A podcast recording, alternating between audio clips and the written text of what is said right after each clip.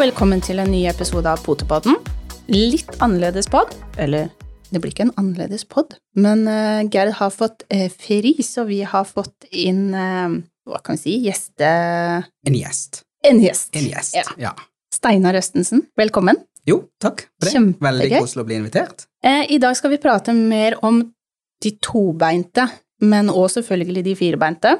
Eh, vi skal tenke på planlegging av valp, valg av rase hund og firbente familiemedlemmer. Det å skulle kjøpe en valp, velge type, velge rase, finne egenskaper som passer eh, deg eller dere eller familien, og hvordan går vi fram for å finne den perfekte firbente som passer inn i din flokk. De ulike raser og ulike hundetyper, altså der er det jo veldig mye å velge. Det er jo et hav å velge mellom. Ja. Du, det finnes jo noe for alle og enhver. Mm. Så uansett om du er ung, gammel, veldig aktiv, ikke så veldig aktiv, så finner du uansett en rase som kan passe for, for deg eller for familien. Men hvordan? Hvordan? Det er mange måter å gå fram, syns jeg i hvert fall. Mm. Og um, som oppdretter så tenker jeg jo at første tingen du må gjøre, det er jo å finne litt informasjon om rasen. Mhm, -hmm. lese deg opp litt på rasen. Eh, nå har vi jo internetten nå i våre dager, så det er jo lett å gjøre noen Google-søk og lese opp det som står der. Og etterpå det så er det jo å prøve å oppsøke rasen og se om Men mange har kanskje begynt å lete fordi de har møtt en rase som de tenker det var jo en koselig rase, Mm. eller det var en koselig hund, kanskje det hadde vært noe for oss. Og så etter hvert som de leser seg opp, så finner de ut at kanskje det er andre raser og hunder som er mer eh, egnet for de sitt bruk. Så, så det å, å gjøre research før en eh, bestemmer seg, det, det er veldig viktig. Og så er det noe med det at du har de kategoriene, der kan jo du litt mer enn meg på noen av disse her egenskapene.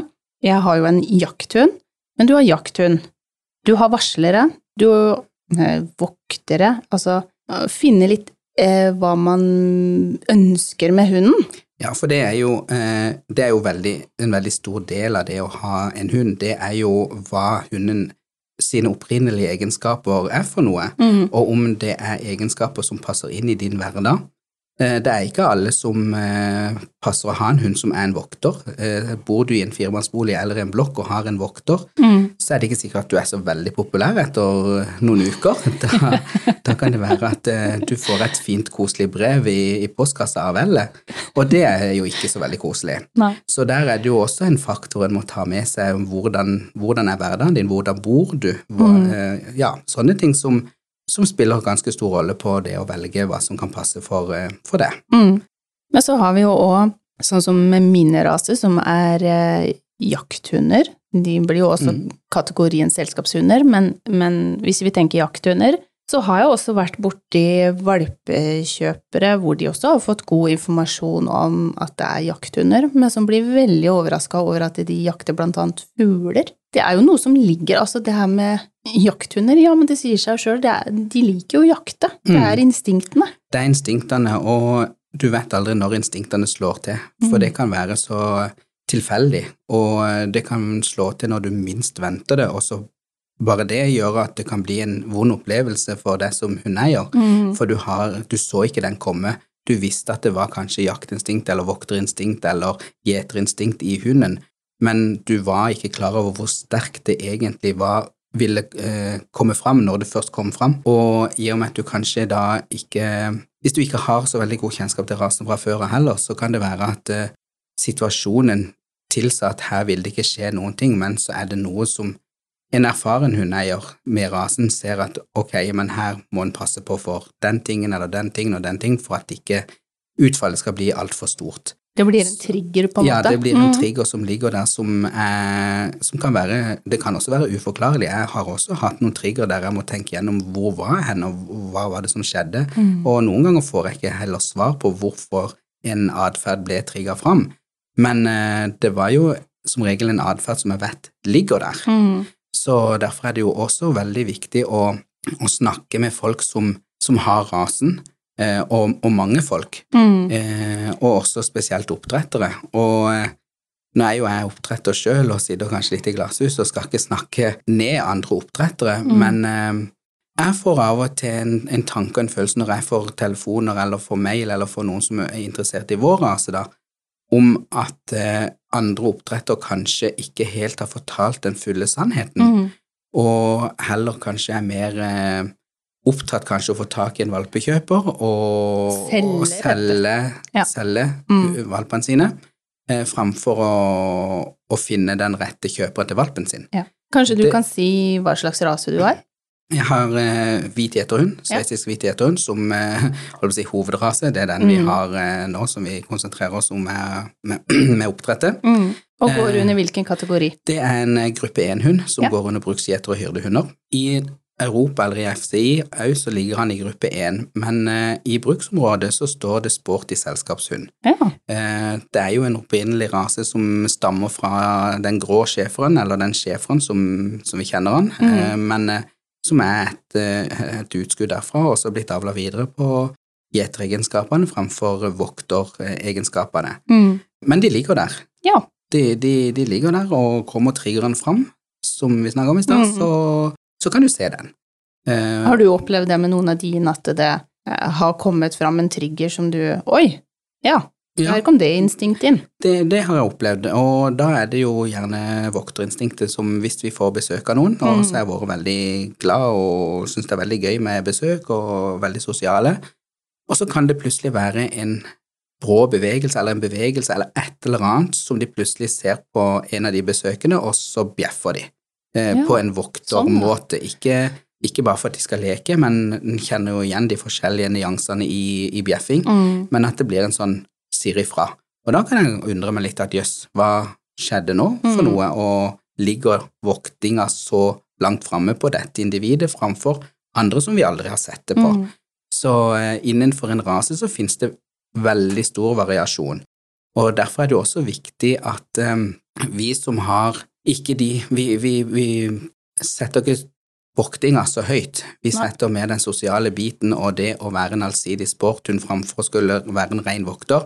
Eh, Den allsidigheten med andre ting eh, setter vi veldig høyt, og prøver å ikke bruke så mye vokterinstinkthunder i, i avlen, hvis en kan si det sånn, da. Mm.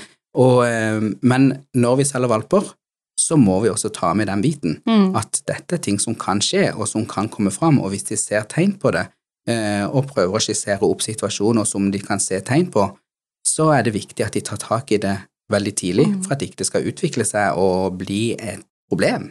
For det er jo alltid masse positivt med en rase, men det er også negative ting med en rase. Og det er akkurat som du sa i stad, at vi som oppdrettere må eh, kunne si fra om det som kan være eh, både negativt eller utfordre noe med en rase, sånn at ikke valpekjøpere får seg en skikkelig sånn aha-opplevelse. Det er veldig viktig, og det tror jeg er noe av den viktigste jobben vi som oppdrettere gjør, det er å nyansere rasen vår Mm. eh, sånn at de får et mest riktig bilde.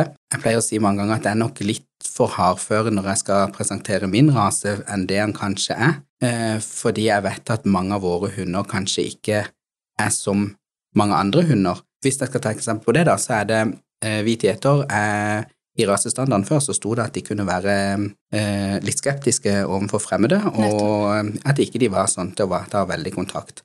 Eh, Det står det ikke lenger i, i rasestandarden, men fordi vi har gjort et godt avlsarbeid eh, verden rundt, da. Mm. Eh, For vi ønsker jo mer og mer sosiale hunder, og det med en vokter og, og en som er mistroisk overfor mennesker, er jo ikke en hund en ønsker i samfunnet. Men eh, ja, nå mista jeg jo litt tråden. Ja. Men jeg, jeg kan jo si det, fordi at jeg husker du sa til meg en gang at det sto i rasestandarden, samme som Bassenie, at de kan være litt reserverte overfor Ja. fremmede. Og da husker jeg jeg sa til deg at det er øh, ok, veldig spesielt, da, Ja. fordi at det har jeg aldri opplevd Nei. hos dere, Nei, men jeg har og- og sett det, andre det var jo som det, er det. En den tingen som jeg tenkte jeg skulle si, det var, det, det var der jeg falt ut. Det var det at når jeg forteller valpekjøpere om rasen, og så syns jeg heller det er positivt å få tilbake at ja, men det var jo ikke sånn som Det var ikke så ille som du sa det. Mm. Det var ikke Vi så ikke så godt som, som du sa at det kunne være. Og da blir jeg jo veldig glad, for da Mm. tenker jeg at ok, men da har vi gjort noe riktig med vår, eh, vår avl og vårt oppdrett, og, og oppdrett, og fokuset er der vi ønsker. Mm. Eh, sånn at det blir jo en liten sånn positiv tilbakemelding for at vi, vi jobber mot noe som vi tror på, da. Mm. Men så får jeg ofte mail om kan man trene bort instinkter? Og da tenker jeg Arrester Det er nei. meg hvis jeg sier feil nå. Nei, du Nei. kan ikke det. Det går ikke. Jo, man kan jo mm, Hva heter det, moderere noe, men du kan jo ikke fjerne et instinkt. Nei, for instinktene ligger i genmassen, Ja. og du kan ikke fjerne et gen. Det er som mange tror at det men eh, min hund har HD, så den opererer vi, og så har han ikke HD lenger, så bruker vi den i avl. Mm. Men du opererer ikke bort et gen, du opererer bort et utfall av det genet. Og det er samme som med instinktene òg, at du kan ikke trene bort instinktet, men du kan dempe det, Mm, og prøve å få det til å tilpasse den situasjonen som du ønsker. Og så tenker jeg, hvis, hvis det er sånn at du har veldig behov for å prøve å trene bort en instinkt, da er det Da kanskje en feil rase? Da tenker jeg at du kan, eh, kan se deg om etter en annen rase, Ja. kanskje. For uh, hvorfor skal du gjøre rasen om til noe den ikke er?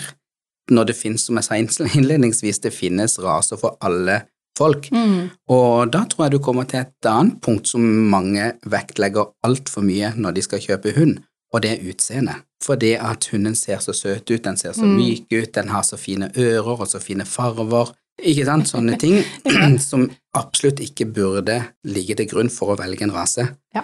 Det er instinkter og bruksområde og hva du kan gi mm. Denne hunden som må være i fokuset før du, før du skaffer den hunden. For det ser jeg på bassenget, at de sier jo ofte det at ja, de har sett på bassenget fordi at den er så elegant. Og det er han. Den er Ja, jo er kjempeelegant. kjempeelegant. Men er det grunn nok for å tenke den rasen? Det er grunn nok til å tenke at kan dette være en rase for meg? mm, Og så er det en grunn nok til å ville vite mer om rasen og finne ut om det er mm, en rase for meg. Ja. Men eh, det kan godt være at du kommer bare to-tre kapitler ned i rasestandarden, og så finner du ut at oi, dette var litt annerledes enn det jeg trodde. Ja, for han har jo mer egenskaper enn å bare, bare være elegant. Det ligger jo mye annet under der. Eh, Og mange av de elegante rasene òg, eh, uten Jeg vet ikke om det er noe sammentreff eller hva det er, men mange av de elegante rasene er jo også urhunder, eh, som har et urinstinkt som også er en faktor å ta med, for det er ikke det samme instinktet som en hva skal vi si, en lagd hund, da, i Mm. moderne tid. Takk. Takk for den. Det var jeg glad for å få en god beskrivelse, faktisk, for det er noe jeg sliter litt med å sette ord på noen ganger når jeg skal forklare hva en urhund Ja. er, men da sa du det ganske, ganske fint.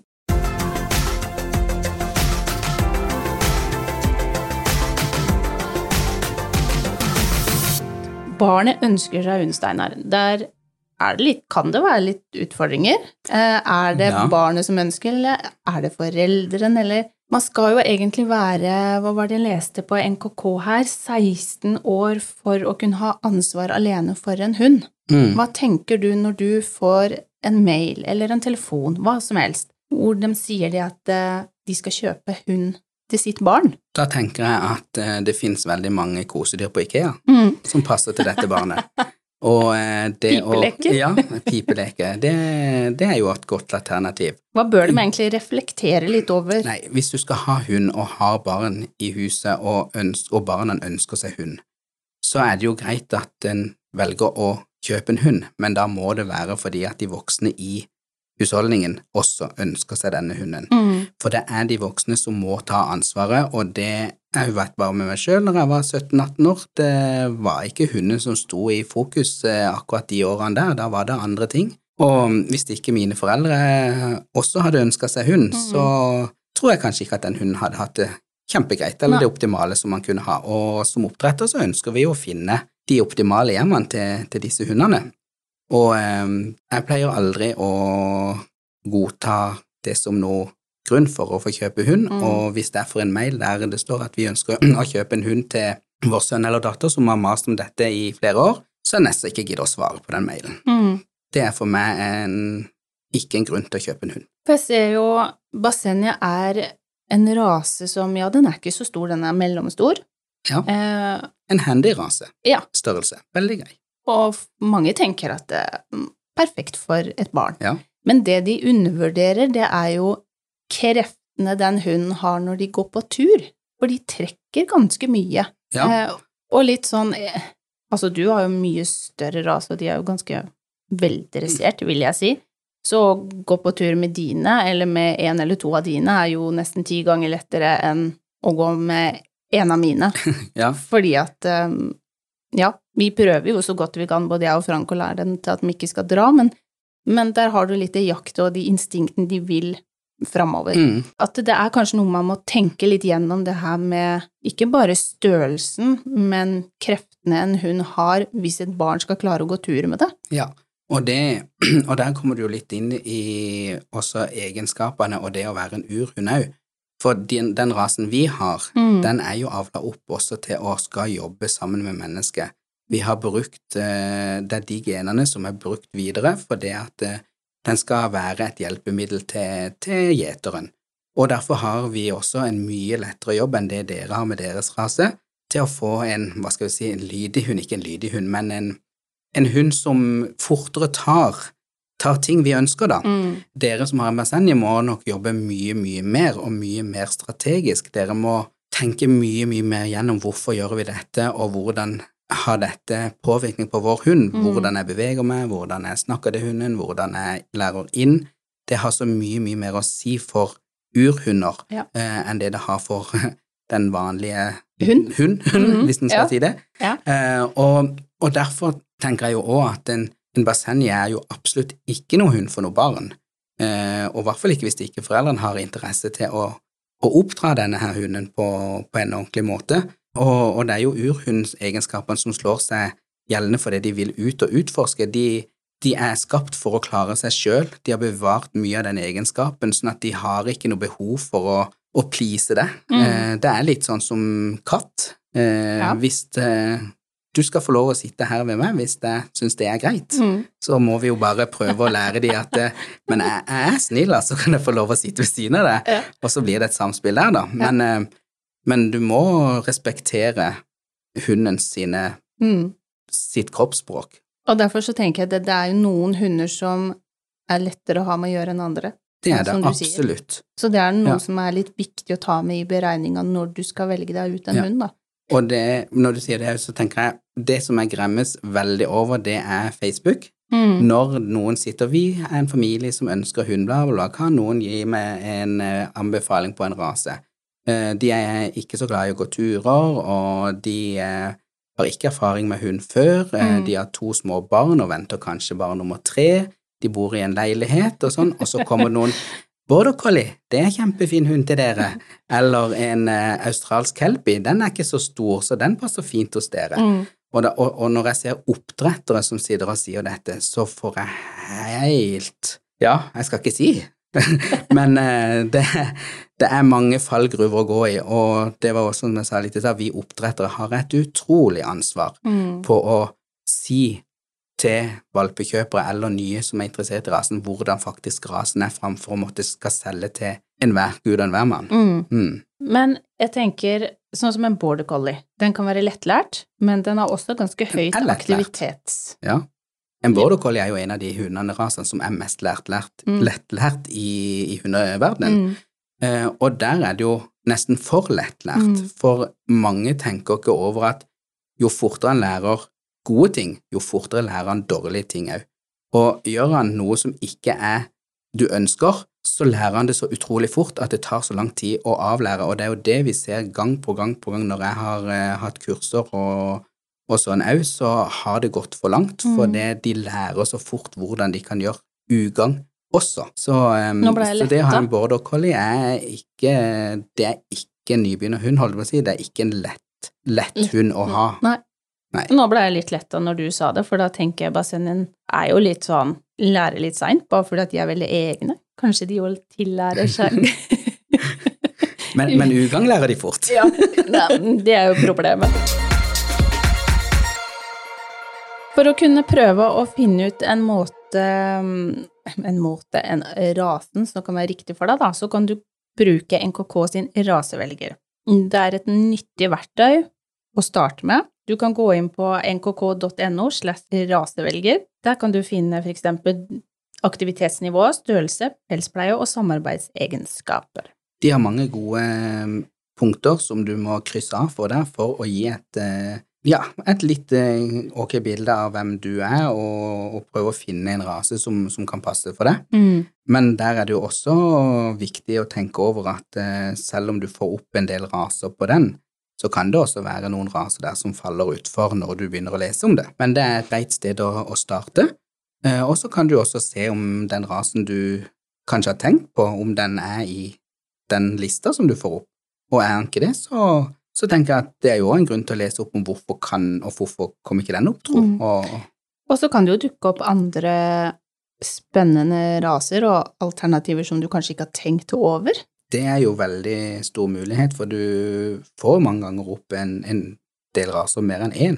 Mange raser finnes det, vet du det? Nei, det vet jeg ikke hvor mange raser det finnes, men eh, jeg vet tenker- jo at det finnes flere raser enn det som er registrert i FCI, for det er jo mange, blant annet for eksempel for å ta noe nærmere, da, eh, Øst-Europa, som Mm. har utrolig mange raser som ikke er registrert ennå, for det er så liten populasjon. Mm. Så den ser jo bare nå mange raser som, eller mange mange, men det er blitt noen raser som er blitt godkjent nå de siste årene, som Mm. har vært eh, eh, under godkjenning, da, og, Ja. og det er en lang prosess. Besøke oppdretter, og hvilke spørsmål bør man stille? Jeg ehm, Ikke spør om pris med en gang. Fantastisk. Jeg har jo et krav om at vi skal treffe valpekjøp. Har du det? Ja, så godt det lar seg gjøre, Ja. så vil jeg at vi skal, eller så vil jeg at de skal komme og, på besøk. Mm. Og da er det ikke bare fordi at um, vi vil treffe dem, men vi vil at de skal se hvordan vi har hundene. Vi vil at de skal se hvordan hundene lever, hvordan de vokser opp, og hva som er vårt fokus. Halleluja. Den det- likte jeg. For det er akkurat den tankegangen vi også har. Mm, Skulle nesten tror jeg var opplært av det. nesten. Men jeg tenker, for jeg har ofte hørt, eller ikke ofte, det er feil å si, jeg har fått mail hvor jeg har spurt hvor holder dere kanskje til? Mm, Vi ønsker, eller har et krav, vi har ikke krav om at de skal stille ut valper eller sånne ting, men vi har krav om å, som du sier, hilse på de, for at de skal hilse, eller bli kjent med oss, og vi med de. Når noen da fra Bergen, vi har jo solgt eh, fire hunder til Bergen, mm, alle har vært veldig på, helt topp, vi kommer på besøk, null problem. Så er det litt artig da når du kommer borti de tilfellene hvor de bor kanskje i Stavanger eller litt nærmere, hvor ah, det er altfor langt. ja. Hva ja. tenker du da? Nei, jeg tenker jo Men nå er jo vi litt ekstra interessert. Vi reiser jo land og strand rundt bare for å se rumpa på en hund. Og så, og så kan vi snu og si at nei, vet du hva, det var ikke noe for oss, og så reiser vi 20 timer hjem igjen. Ja. Men, eh, men hvis du har lyst på en ting, så tenker jeg at du legger ned litt tid også før du skal hente denne valpen. Og jeg tenker også at du som valpekjøper bør bli så godt kjent med oppdretteren din som mulig. Mm. Eh, For selv om du kjøper en valp, så kjøper du faktisk også et samarbeid hvis du ønsker. Eh, Vi kan ikke tvinge, vi tvinger jo ikke noen av valpekjøperne til at de skal sende oss mail og, og må ha kontakt Nei, nei. sånn. Men, men hvis du vil, og, og er en sånn person som tenker å, jeg har lyst til å ha litt god kontakt med oppdrett og sånn, og så kjøper du en hund, og så finner du ut at eh, vi er absolutt ikke på bølgelengde, Mm. så kan jo det være litt, litt kjedelig. Eh, men det å reise Jeg har jo, eller vi har vel sagt at eh, ok, bor de åtte-ni timer unna, så er det liksom Da tenker vi da har du mulighet til å, å ta en, en tur og, og hilse på. Mm. Eh, nå har vi de to siste årene solgt eh, fire hunder opp til Nord-Norge, Finnsnes og Bodø og Ja. sånn.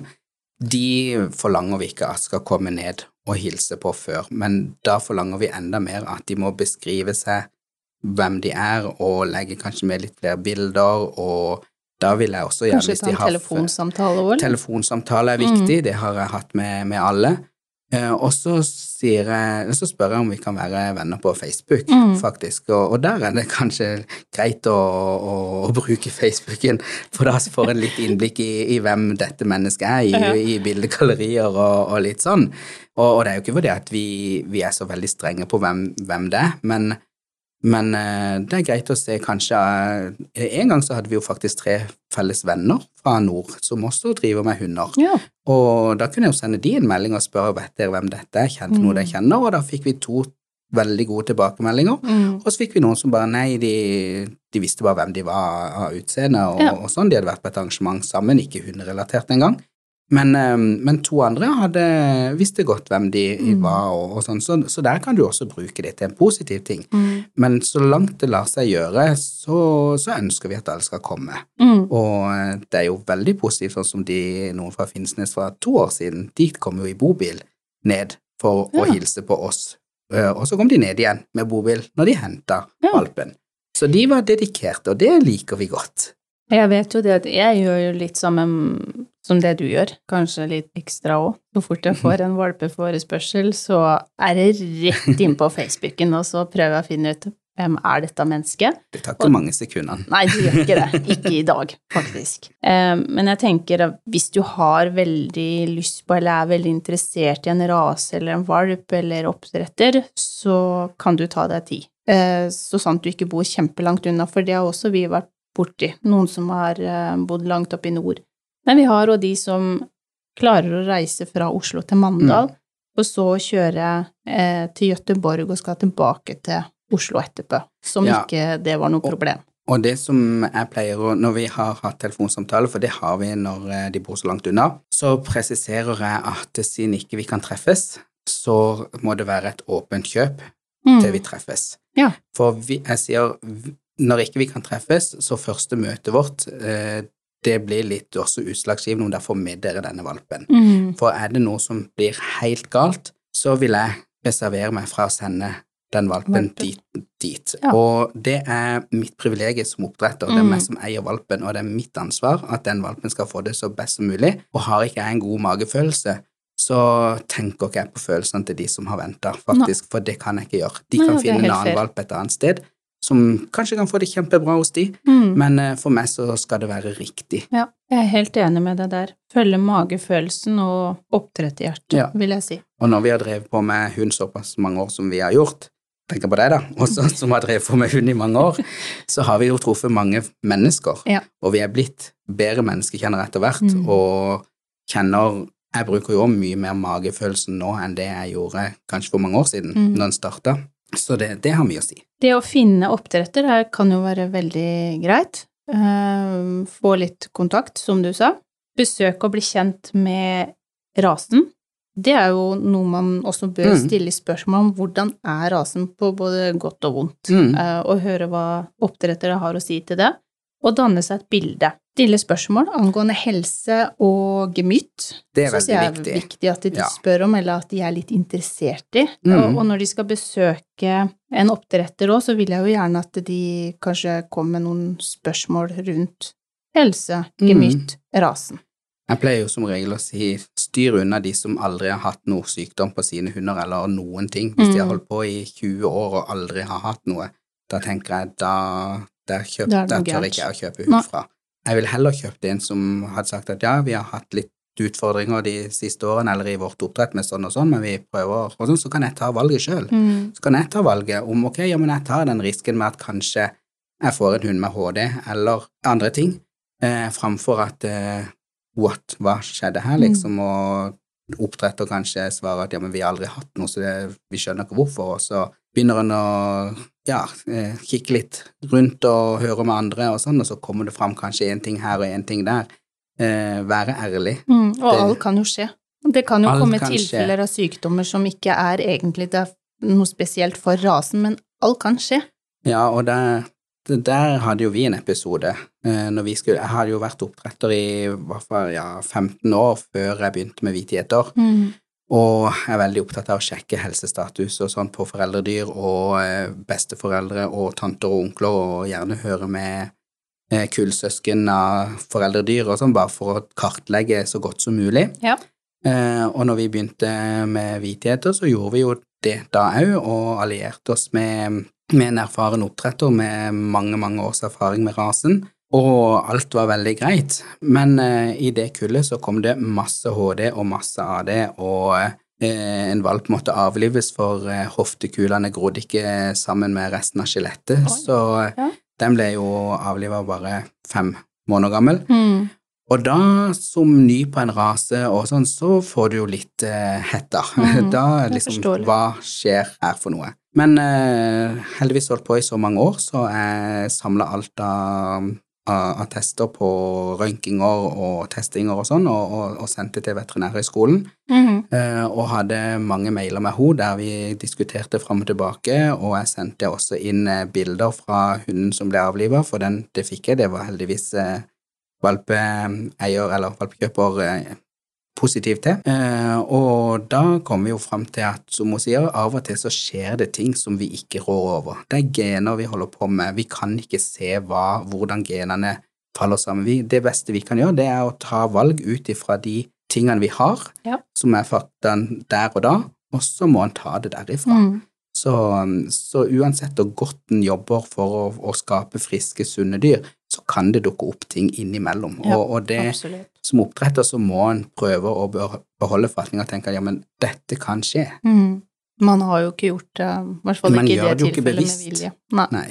Og så tenker jeg at det kan være viktig for valpekjøperen å stille spørsmål hvordan vokser valpene opp, Ja, og det er viktig. og litt sosialisering. Det er jo de kjempeviktig hvordan de vokser opp. Ja. Eh, Sosialiseringa begynner jo fra de blir født. Mhm. Eh, I og med De blir jo født døve-blinde, men eh, etter noen dager så får de jo eh, Får de jo Hva heter det? det er ikke sanser, men eh, du ner nerver. Oh, ja. Nervesystemet. Nervesystemet de sitt, ja. Nervesystemet blir jo kobla på, ja. og luktesansen, som du Mm. sier. Eh, og det tar jo inn de første inntrykkene fra verden. Ja. Og da er det viktig at de blir eksponert for trygge ting. Og det er også en grunn til at det er derfor at de skal få ro, for det er kun måten de tar inn eh, omverdenen på. Mm. Og hvis det da blir mye besøk og mange som tar på de og løfter på de og sånn, så kan de bli, de kan bli usikre på kommer det noen nå. De kan ikke se de, de kan ikke høre de. Mm. Plutselig så blir de bare løfta opp og mister fotfestet fra bakken. Ja. Og, ja, eh, og det kan være med på å gjøre de utrygge. Så Mm. derfor er det utrolig viktig at eh, så lenge de ikke har, eh, har hørsel og syn, så, Mm. så pleier vi i hvert fall å ha minst mulig besøk, og at det er kun vi som, som er inne hos de. Og, og mange tenker at eh, det er på grunn av at tispa skal få ro og sånn, og det skal hun få, men Mm. det er vel så viktig for at valpene skal få tid til å utvikle de systemene sine i ro og fred, sånn at de er best mulig rusta til å ta imot det som kommer seinere, da. Mm. Vi har jo valpekjøpere som lurer på om de kan komme etter en uke, etter to uker, og, men når man får forklart akkurat det som du sa nå, så har de Mm. veldig stor forståelse for at ja, ok,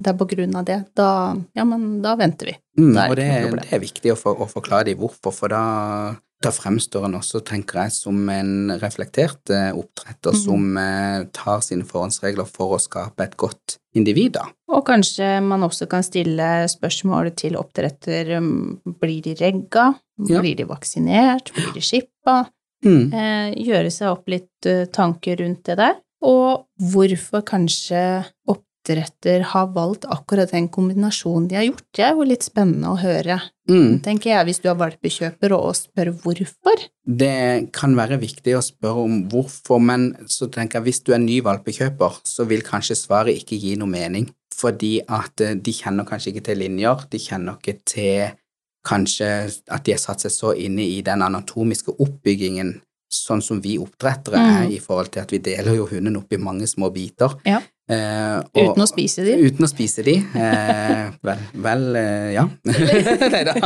Eh, og, så, eh, og så gjør vi det på et helt annet nivå enn det den vanlige mannen i gata som mange ganger er valpekjøperen. Mm. Men at de spør hvorfor vi har valgt å sette den tispa i avl, eller hvorfor vi har valgt å bruke den hannhunden i forhold Eller hvorfor, så kan vi jo svare ut ifra hva vi tenker er viktig for de å vite, da. Ja. Eh, og da også, som du vil snakke om i stad, helse og, og gemytt og, og bruksområder. Mm. Eh, og, og For det fikk jeg nå seinest i helgen, så var det noen som spurte hvorfor valgte dere akkurat den hannhunden? Jo, fordi eh, gemytt Vi har gått gemytt på tispa, men jeg Mm. vil bevare det. Eh, anatomisk, altså, så har den hannen eh, har mye av det samme som tispa, men den har også de litt ekstra positive tinga. Kanskje den er litt kortere, kanskje den har litt mindre ører. Det er mange ting som gjør mange at man Mange små komponenter som spiller inn. ja, så, så det kan man jo spørre om, eh, kanskje uten å gå altfor dypt ned i det, Ja. for det er kanskje ikke så lett å forstå seg på.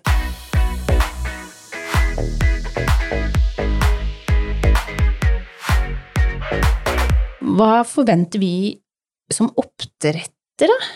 Eh, jeg har tenkt litt på det spørsmålet. Eh, når noen kommer på besøk til oss Jeg forventer jo litt at de har lest seg opp på rasen.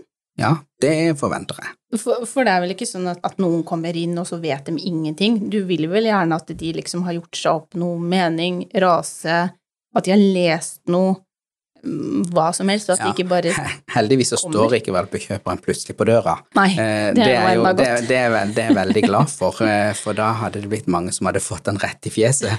Men eh, de aller fleste sender jo en melding eller en Ja. mail eller ringer eller et eller annet og, og, og sånn og spør om jeg kan fortelle litt om, om rasen, for de har hørt sånn og sånn og, og, og vil ha ting bekreftet eller avkreftet og sånne ting. Så jeg føler nå er mange valpekjøpere blitt mye mer opplyst om, om hva som er viktig å spørre om og, og tenke på før en skaffer seg hund. Mm. Selv om du har jo de som sender en mail at eh, 'så søt valpe, hvor mye koster den?' eller eh, 'så søt den valpen hva den vil jeg hente om når den er leveringsklar', uten noe mer, uten noe underskrift om hvem de er, eller hva Ja. de Ja, så, så det De blir aldri besvart hos, hos oss. Det, det går så rett i jeg, søpla. jeg tenker faktisk at det med å For vi får mye mailer, og det er jeg ganske sikker på at det dere også gjør med hvitgjeter, men det å få mailer hvor det bare står at vi er interessert i å stå på en liste Jeg syns det er litt hyggelig at man kanskje kan presentere seg, Mm. eh, si hvor man bor hen,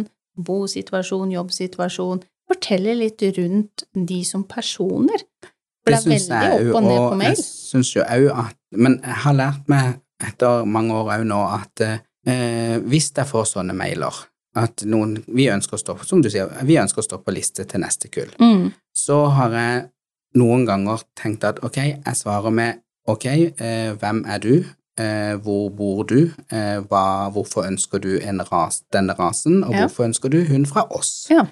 Så må de sende en mail tilbake med, disse, med svar på disse spørsmålene. Mm. Og vi har fått noen mail tilbake der vi har tenkt at jøss, ja, de høres jo veldig ok ut, de Mhm. vil vi prøve å bli bedre kjent med. Ja. Så, så det er ikke alle som bare skriver et setning som får, men hvis det kun er ønske om, eller pris, hva koster hunden, eller jeg skal ha den med rødt bånd, eller sånn, så er det sånn, nei, det er ikke.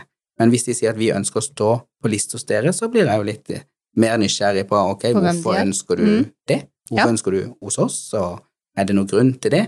Så, så det er litt om hvordan en formulerer eh, den, eh, den kortfatta mailen, Mm. om, om vi gidder å respondere eller ikke. Ja, men når noen kommer hjem til oss, da forventer jeg òg at valpekjøper, hva skal jeg si, har, er litt på i forhold til hvordan hilser man på hundene vi har hjemme. Helt enkelt ha respekt Mm. for våre hunder og vanlig folkeskikk. Ja. Jeg har vært borti et eh, tilfelle hvor personene kom inn i stua og ja, kikka seg litt rundt, og hvor noen av våre hunder eh, var i stua, og skulle hilse på, hvor de da velger å ville prøve å løfte på hundene. Mm.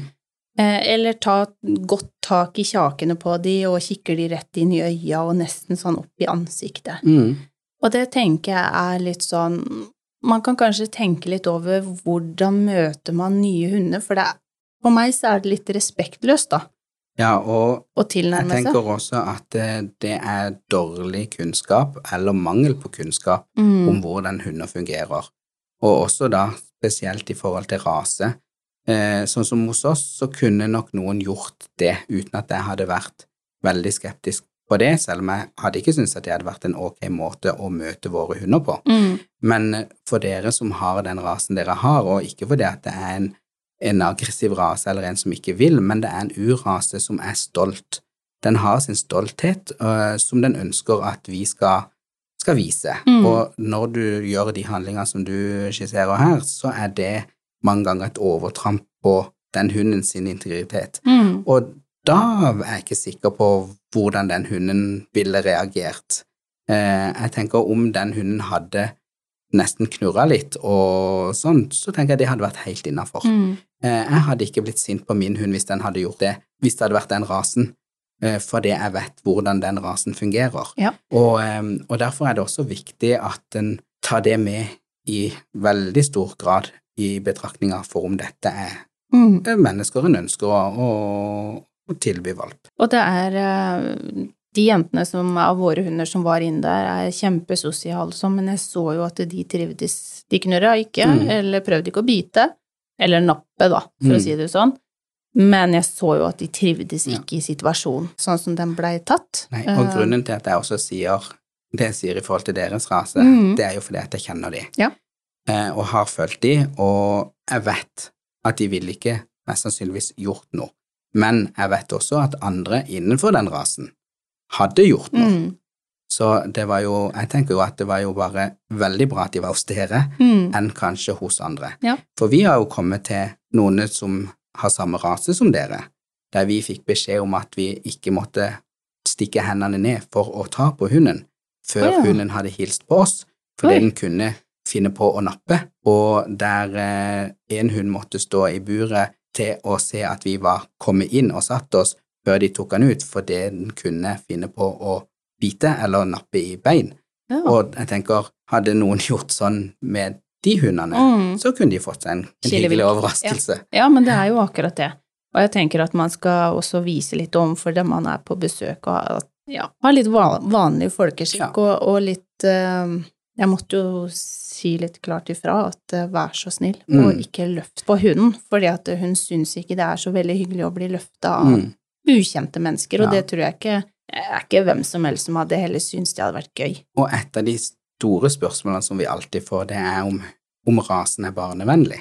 Ja, Ja, nettopp. og det er jo alltid veldig artig å få, for eh, da pleier jeg å spørre at eh, Nei, si at eh, ja, det er han, men jeg lurer veldig på om dine barn er hundevennlige. Ja, takk. Og det Takk. er jo vel så viktig, Mm. for jeg har opplevd en gang å sendt hjem et, en familie som ikke fikk kjøpe hund. Mm. Og de bodde i Stavanger, og tok seg tid til å kjøre, så tenkte det var veldig bra. Det er koselig at de tar seg tid til å komme på et helgebesøk og bli kjent med oss. Og så kommer de inn, og ungene er overalt og klapper og løfter, og jeg tenker ok, nå skal ikke jeg si så veldig mye, jeg må bare passe veldig godt på. Mm. Og så gikk det såpass langt at jeg måtte da gripe inn og si at nå må ikke dere løfte mer, nå, dere kan ikke løfte hunden sånn, og dere kan ikke sette den i sofaen og bare gå vekk fra Vekk hunden, ja. og, ikke sant? Og, og sånn, og så, så sier jeg til, til de at vet du hva, jeg tror ikke noen av mine hunder eh, passer hos dere, fordi at jeg er faktisk redd for at ungene deres skal skade hunden. Mm. For dere har ikke kontroll, og dere sier ikke ifra til, hunden, til ungene deres om at de må være rolige eller hvordan de skal oppføre seg, så, eh, så dere får dessverre ikke kjøpe. Nei. Og de ble kjempesinte. Ja. Eh, De skjelte meg ut for det de hadde kjørt fra Stavanger og alt mulig sånn. Så sier jeg ja, og det er derfor jeg ønska at dere skulle komme, og derfor jeg ønsker at alle skal komme. Fordi at det, det, selv om dere har fått tilslag at jo, dere kan stå på liste og sånn, så er det meg som selger Mm. valpene. Det er ikke ensbetydende med at da får du kjøpe valp. Og det er vårt privilegium som oppdretter å faktisk bestemme Det det hvem som skal få kjøpe valp. Ja. Det er ikke gitt at selv om du kommer på besøk eller har satt deg på en liste, Mm. at du får kjøpt valp. I hvert fall ikke hos meg og ikke hos deg. Så, så jeg tenker at um, vis litt interesse, Mm. vis forståelse for hund, sett deg inn i hva hun er. Mm, det er veldig viktig. Ja, jeg syns det.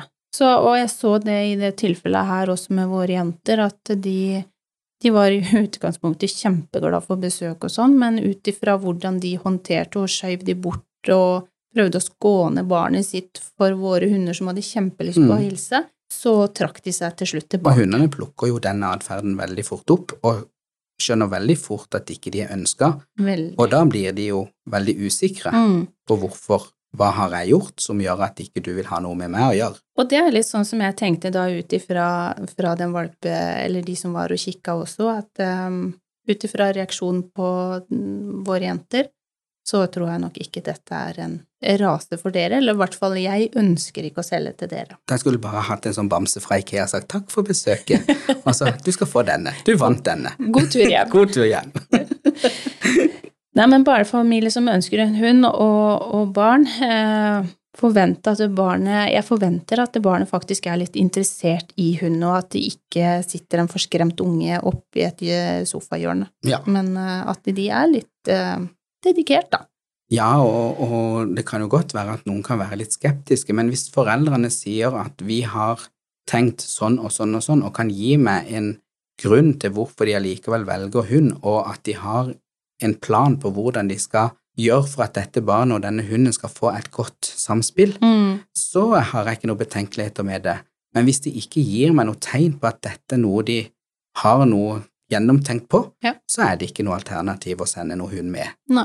med de. Nei, og det er helt fair, syns jeg. Det er, eh, det er vårt privilegium, som sagt. Eh, Når det gjelder det med eh, hvorfor denne rasen, så kan man da som sagt gå inn på NKK, lese litt på raseklubb og hva egenskapene er på Mm. NKK. Nå har vi vært innom eh, tips og ideer for valg av hund, og så håper vi at eh, kanskje denne episoden med oss har eh, gitt noen flere nyttige tips, kanskje noen spørsmål, kanskje noen tanker man kan tenke litt mer på. Hvorfor skaffe seg et nytt familiemedlem? Potepodden kommer også nå med en ny eh, temaserie som vi har valgt å kalle for Rasespesialen, hvor vi tar opp eh, ulike raser som blir presentert av oppdrettere og folk med erfaring fra rasen. Så følg gjerne med på Potepodden på Facebook, så du alltid er oppdatert. Og så må jeg si til deg, Steinar, tusen hjertelig takk for eh, at du ville være med på Potepodden. Veldig hyggelig å ha deg med. Det var veldig koselig å være her, og eh, jeg brenner jo for det med hund, og det er jo derfor den har holdt på så lenge. Ja. Så jeg håper jo også, som du sa, at denne episoden vil få folk til å tenke litt, og kanskje være litt mer bevisst i valgene de gjør. Mm. Og jo mer du finner ut, og jo mer du eh, searcher rundt forbi, så er jo sjansen mye, mye større for at du skal få et lykkelig liv med en flott hund. Så mm. ønsker jo bare alle sammen lykke til på, på letinga. Ja, vi snakkes.